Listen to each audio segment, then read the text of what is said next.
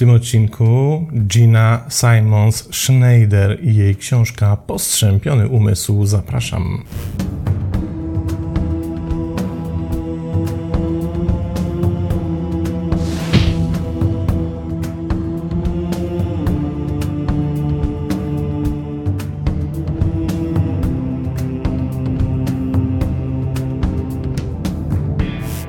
Początek spróbujmy się przyjrzeć temu, kim jest autorka dzisiejszej książki.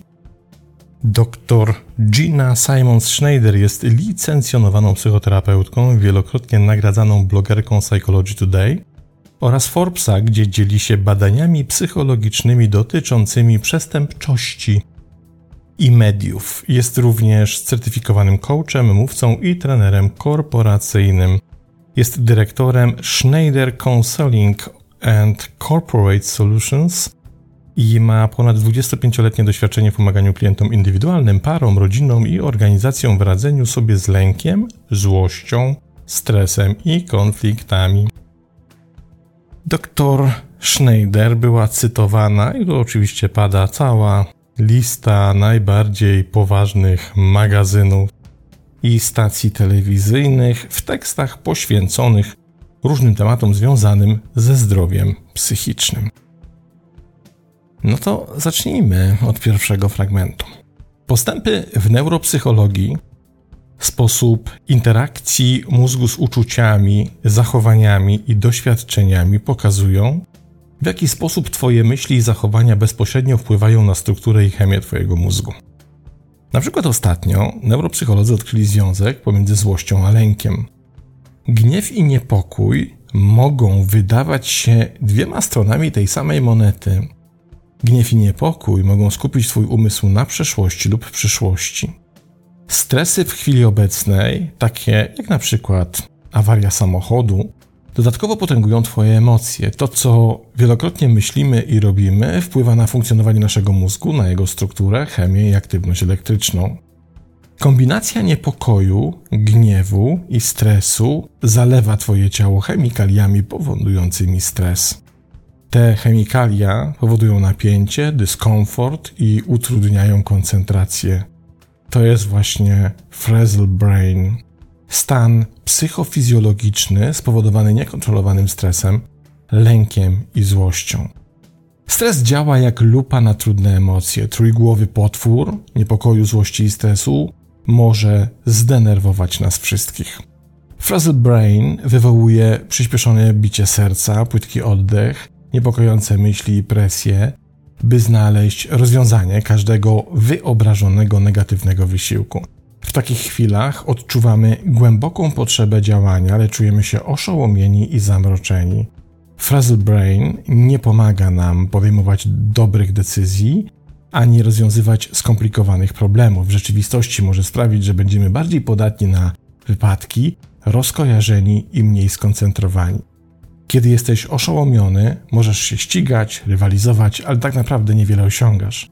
Czujesz presję, niecierpliwość, pojawia się też drażliwość. I pora chyba wyjaśnić, o co z tą książką chodzi, dlaczego ją wybrałem i co się kryje pod tym tajemniczym słowem frazzle, które się pojawia w tytule. To w rzeczowniku oznacza strzęp. Natomiast w języku angielskim w przymiotniku skonanie, to mówimy skonany, wykończony, wycieńczony. Więc teraz jak sobie dodamy razem ten strzęp do tego skonania, wycieńczenia, no to mamy taki umysł, który tak naprawdę ledwo zipie. Ale ledwo zipie, ponieważ zmaga się z tak wieloma różnymi rzeczami, z którymi po prostu sobie nie potrafi poradzić. Książka Dr Schneider jest o tyle ciekawa, po pierwsze dlatego, że przedstawia całą masę najnowszych wyników badań i najnowszej wiedzy z zakresu neurologii i neuropsychologii, tego w jaki sposób my funkcjonujemy, szczególnie w kontekście naszego mózgu, na poziomie neuronalnym. Książka jest z kwietnia 2020 którego 22 roku, czyli ma ledwie rok, więc możemy przyjąć, że jest to wiedza dość nowa i warto do niej sięgnąć. I to, co jest istotne, bo oczywiście to książka bardzo gruba, zawierająca olbrzymią ilość treści, materiałów i przykładów, to wybrałem z niej rzeczy, które wydaje się nie są dla nas do końca oczywiste i które mogą zmienić nasz sposób myślenia o tym, dlaczego tak trudno nam czasem pokonać te rzeczy na planie psychicznym, mentalnym, z którymi się, czy też emocjonalnym, z którymi się zmagamy, a okazuje się, że wyjaśnienie możemy właśnie znaleźć na poziomie neuronalnego funkcjonowania naszego mózgu, czego dowodzą odkrycia ostatnich badań. Aby zwalczyć frazzle brain, czyli ten postrzępiony, wykończony, skonany umysł, najpierw musisz się zatrzymać, zwolnić i wyciszyć swój układ nerwowy. Nazywam to, pisze autorka, układem chłodzenia. Żeby aktywować system chłodzenia, zacznij od trzech kroków rozpoznaj, że czujesz się niekomfortowo, nazwij to nieprzyjemne uczucie, przykład stresem, złością, zakłopotaniem, zmartwieniem. Następnie zapewnij sobie wsparcie, ukojenie i komfort. I tą świętą trójcę znamy z pracy nad emocjami takich badaczy jak Gardner czy Goleman, którzy mówią, że Pierwszą rzeczą, pierwszym krokiem w ogóle do podjęcia pracy z sobą jest rozpoznanie, że coś się dzieje. Musisz być świadomy tego, czy świadoma tego, że coś się w systemie pojawiło, że pojawiło się jakieś niepokojące poruszenie, pojawił się jakiś emocjonalny dyskomfort. Następnie, żeby nasz umysł w ogóle mógł rozpocząć z tym pracę i żeby wiedział, gdzie się znajduje i w jaki sposób ma to traktować, musisz to nazwać. Musisz wypowiedzieć w myślach nazwę tego, co odczuwasz. Bez tego nazwania to dla mózgu wciąż będzie takie trochę ulotne, nieskonkretyzowane, a zatem nie do końca do ogarnięcia z punktu widzenia operatywności naszego umysłu. No i dopiero wtedy, kiedy to nazwiemy, jesteśmy w stanie tę operatywność włączyć. Dlaczego nazywanie swoich uczuć ma znaczenie? Nazwanie uczucia pomaga ci je zrozumieć, stawić mu czoła, i dostrzec, że jest oddzielone od ciebie, że nie jest z tobą. Tu różnica jestem zły, a odczuwam złość, czy, czyli jest we mnie złość. Kiedy pojawia się koncept jestem złością, niewiele można z tym zrobić. Kiedy zamienimy to na koncept jest we mnie złość, no to wtedy otwierają się drzwi do operatywności. Bo kiedy uświadomimy sobie, że złość jest we mnie, ale nie jest mną, to zwróćcie uwagę, że wraz z tą świadomością my nadajemy jej taki czynnik temporalności. Skoro ja nie jestem złością, a złość jest we mnie, to skoro się we mnie pojawiła, to może również opuścić system. Czyli pojawia się na chwilę. I teraz jest pytanie, kto jest w stanie zarządzić tym czasem pojawienia się? No tylko ja. To ja jestem odpowiedzialny za to, co ja z tą złością zrobię ale dużo łatwiej jest przejść na poziom operatywny, kiedy uzmysławiam sobie, że to nie ja jestem złością, ale złość jest po prostu nagle w systemie obecna. I ten system chłodzenia, o którym mówi autorka, i to jest właśnie ten system, który wybrałem do przekazania Wam, dlatego że uważam, że jest dość ciekawy i intrygujący. Ten system chłodzenia polega na tym, żeby jednocześnie wykonać pewne czynności na poziomie nie tylko jednego zmysłu, ale wszystkich zmysłów. I dopiero to na poziomie neuronalnym pozwala nam w zupełnie inny sposób doświadczyć efektywności naszych działań. Dopóki robimy to tylko na poziomie jednego zmysłu, na przykład pracujemy tylko z głową i z naszymi myślami, czy pracujemy tylko z naszymi emocjami, to efekt nie będzie właściwy.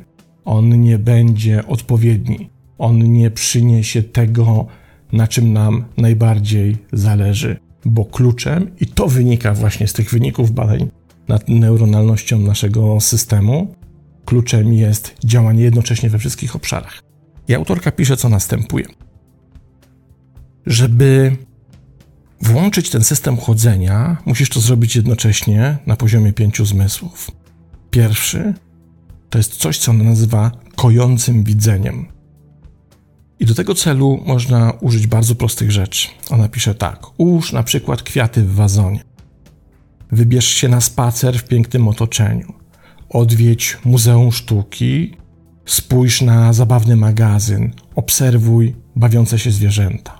2. Słuch. Posłuchaj muzyki, ciesz się dźwiękami natury. Oglądaj filmy, na których śmieją się dzieci. Spróbuj zagrać na instrumencie, jeśli potrafisz. Skomplementuj się, porozmawiaj z drogą ci osobą, ze swoim przyjacielem. Ciesz się spokojem chwili, uciesz się ciszą. Dalej węch. Zatrzymaj się i powąchaj kwiaty, powąchaj rośliny, upiecz coś pysznego. Użyj zaparzacza z ulubionym zapachem. Zapal zapachową świeczkę. Czwarte, degustacja, czyli smak. Zwolnij podczas spożywania posiłku. Delektuj się każdym kęsem. Popijaj ten kęs pocieszającą, smakową herbatą lub aromatyzowaną kawą. Zatrzymaj się i delektuj trzema posiłkami dziennie. Dotyk. Masuj ciało pachnącym balsamem. Weź gorącą kąpiel lub skorzystaj z jacuzzi. Idź popływać, przytul przyjaciela, kochaj się i tak dalej, i tak dalej. O co chodzi z tym systemem chłodzenia? Otóż według badań i według tego, co pisze autorka, my działamy jako holon, czyli jako jedna wielka całość. Kiedy będziemy próbowali w tej całości reperować jej fragment bez ingerencji w inne obszary, to oczywiście jakiś efekt tej reparacji osiągniemy, ale możemy ten efekt tej, tej, tej naszej naprawy zwielokrotnić poprzez zapewnienie również temu holonowi tego chłodzenia w pozostałych obszarach. To trochę jest tak, jakbyśmy sobie wyobrazili osobę, która się bardzo stresuje. No i ta osoba, która się bardzo stresuje i nie radzi sobie ze stresem, nagle zdobywa jakieś narzędzia, ćwiczenia psychoterapeutyczne, psychologiczne, jakiekolwiek, które pozwalają jej lepiej ogarniać się z myśleniem i lepiej sobie radzić ze stresem. I oczywiście będzie miała na tym polu jakieś efekty, jakieś wyniki. Autorka jednak dowodzi, że jeśli ta sama osoba w tym samym czasie, kiedy próbuje ćwiczyć i próbuje wykorzystywać narzędzia do walki ze swoim stresem, zapewni sobie to chłodzenie w pozostałych obszarach, pozostałych zmysłów, to ta jej walka ze stresem w tym jednym obszarze przyniesie dużo lepsze wyniki, niż by to było w przeciwnym wypadku, kiedy ten system nie został schłodzony w pozostałych obszarach, o których tutaj mowa. I te obszary są bardzo proste. One są ściśle związane, według autorki, z naszymi zmysłami. Mówiąc inaczej i przekładając to na przykład życia, osoba próbująca walczyć ze stresem doświadcza, nie wiem, ćwiczeń, narzędzi, które pozwalają jej uspokoić umysł, jednocześnie jest cały czas narażona na krzyki swojego otoczenia. Na to, że w jej otoczeniu ludzie krzyczą, posługują się krzykiem, że jest w robocie jakiś kazik, który nie potrafi się inaczej komunikować, tylko po prostu się drze. Jest ktoś, kto krzyczy przy niej na kogoś innego i tak dalej, i tak dalej. To jej walka ze stresem w tym środowisku, w którym zmysł słuchu jest narażony na stresory, nawet jeśli one jej bezpośrednio nie dotyczą, na poziomie neuronalnej pracy naszego mózgu będzie powodowała, że to, co ona usiłuje zrobić ze stresem, będzie przychodziło jej dużo trudniej, dużo ciężej, dużo wolniej i będzie przynosiło dużo mniejsze efekty niż by mogło. Jeśli teraz do tego wszystkiego, do tego holonu dołożymy każdy kolejny zmysł, to okazuje się, że on gra tak samo istotną rolę na poziomie neuronalnej pracy naszego mózgu. Dotyk. To w jaki sposób my jesteśmy w stanie funkcjonować poprzez nasz reaktywny zmysł dotyku, kiedy na przykład potrafimy się przytulić, czy mamy taką możliwość, że jesteśmy w stanie przytulić się do bliskiej, drogiej nam osoby. Zobaczcie, jak to nieprawdopodobnie działa to, że możemy objąć drzewo w lesie i dotknąć tego, w jaki sposób to drzewo jest zbudowane, dotknąć jego powierzchni i poczuć to fizycznie pod swoimi palcami. Te rzeczy wydają się banalne i wydają się mało istotne, a okazuje się, że tworzą takie niezwykle ważne klocuszki, które się wzajemnie wspierają. Węch, smak, dotyk, słuch, wzrok to wszystko ma znaczenie.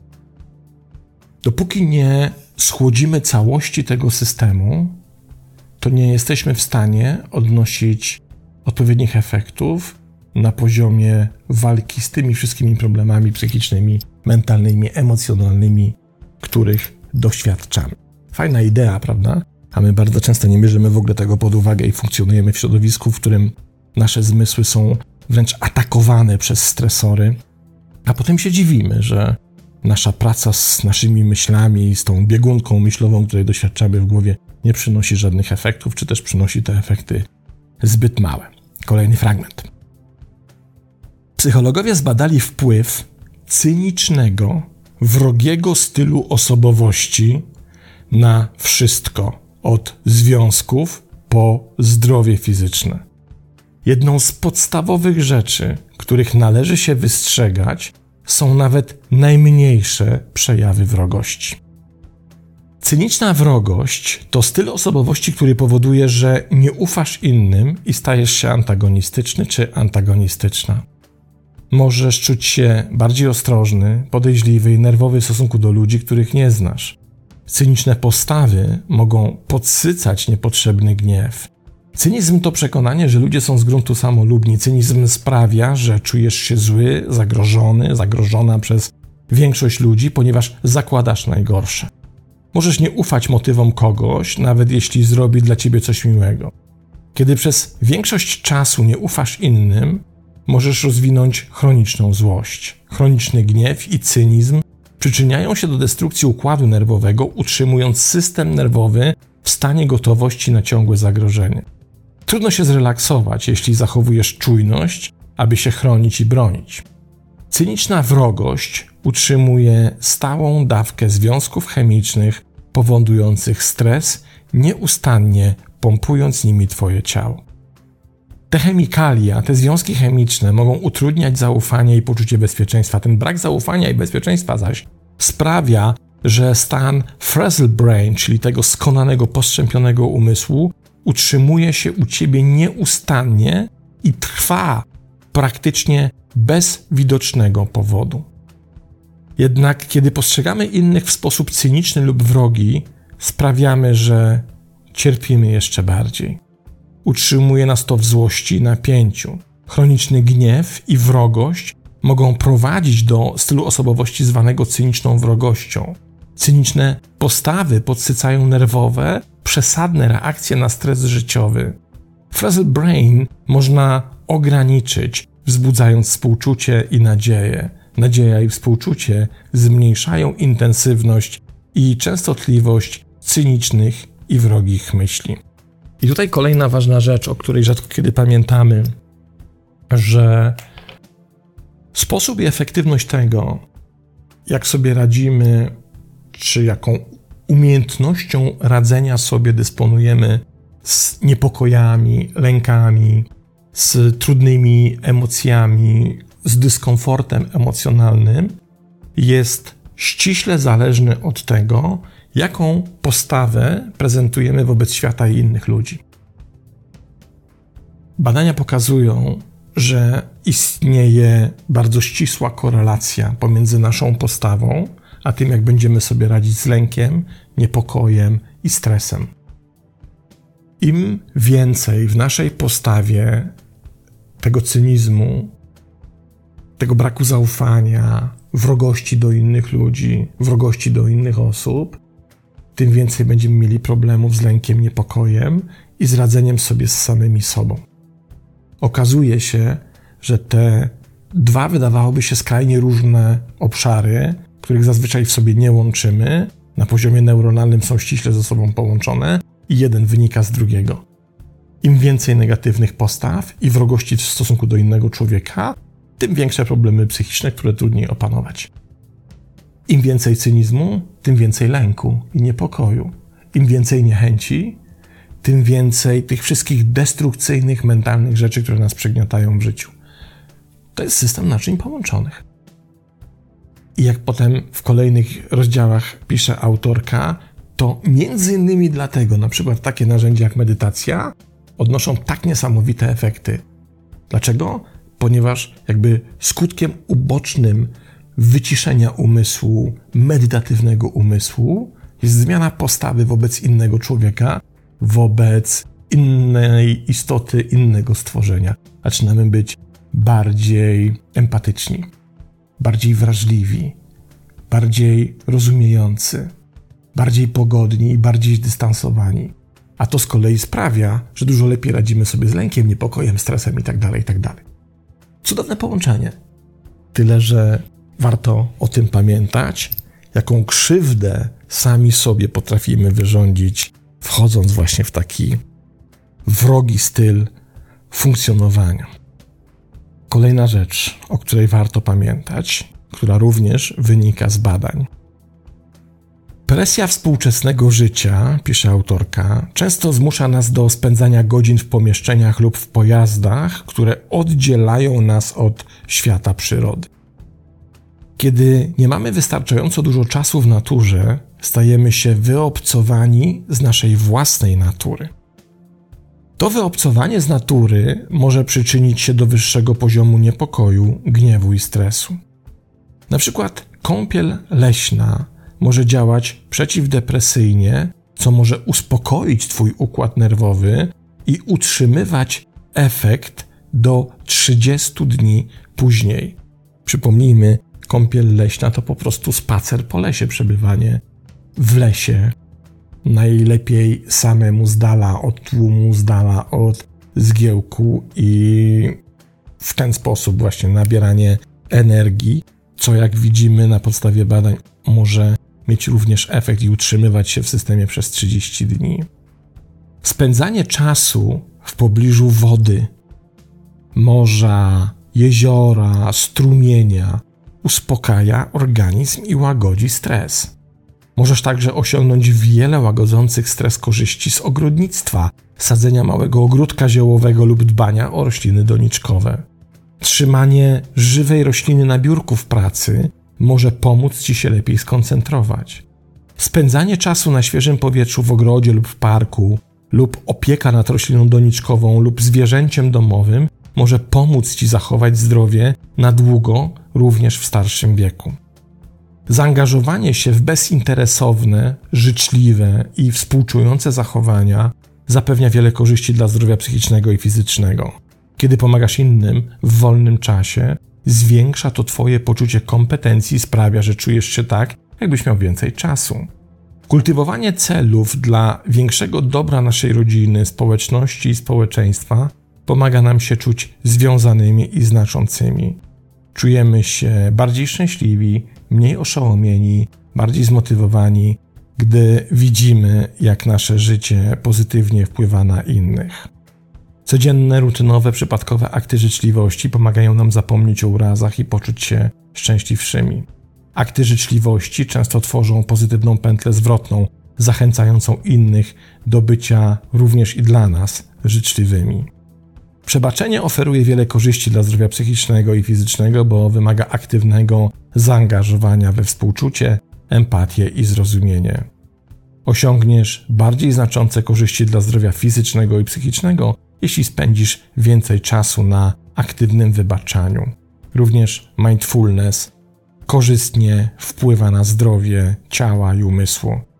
Uważność wymaga celowego skupienia się na chwili obecnej bez osądzania tej chwili. Każde działanie możemy wówczas wykonywać bardziej świadomie, a efektem ubocznym uważności jest to, że czujemy się bardziej spokojni. Praktyka medytacji uważności może pomóc nam stać się bardziej odpornymi na stres. Pomaga naszemu układowi odpornościowemu, poprawia zdrowie serca i pomaga w leczeniu po operacji lub chorobie. Jeśli rozwiniemy poczucie współzależności z innymi, uważność może zwiększyć naszą hojność i wzmocnić nasze relacje. I to w telegraficznym skrócie oczywiście mniej więcej tyle, co przygotowałem na dzisiaj. Teraz też się wyjaśniło, dlaczego nie było poprzedniego odcinka ponieważ kierując się wytycznymi z tej książki, uznaliśmy z Dorotą w zeszłą niedzielę, że fajnie by było pojechać na motocyklową wycieczkę, co też uczyniliśmy. Wycieczka była absolutnie cudowna, spędziliśmy z sobą fantastyczny dzień. Skutek uboczny był taki, że jednego odcinka niewidzialnych książek nie było, ale mam nadzieję, że nam to wybaczycie. Polecam czasem wyjść z tej puszki samochodu, domu, pokoju, mieszkania, zażyć tej leśnej kąpieli, wybrać się na nawet mały strumień. I wtedy zaczynamy zupełnie inaczej funkcjonować. I to, co ważne i co warto z tej książki zapamiętać, jesteśmy jedną neuronalną całością. To w jaki sposób zadbamy o siebie w konkretnych obszarach naszego życia, które są ściśle powiązane z paletą naszych zmysłów, będzie miało niezwykle istotny efekt na to, jak będziemy sobie radzili z naszą psychiką, z naszymi emocjami, ze stresem, którego przecież dzisiaj nie brakuje, i z naszym funkcjonowaniem. To tyle. Warto zapamiętać książkę Frazzle Brain, czyli właśnie taki postrzępiony, skonany umysł. Kwiecień 2022. Pozdrawiam i do następnego razu.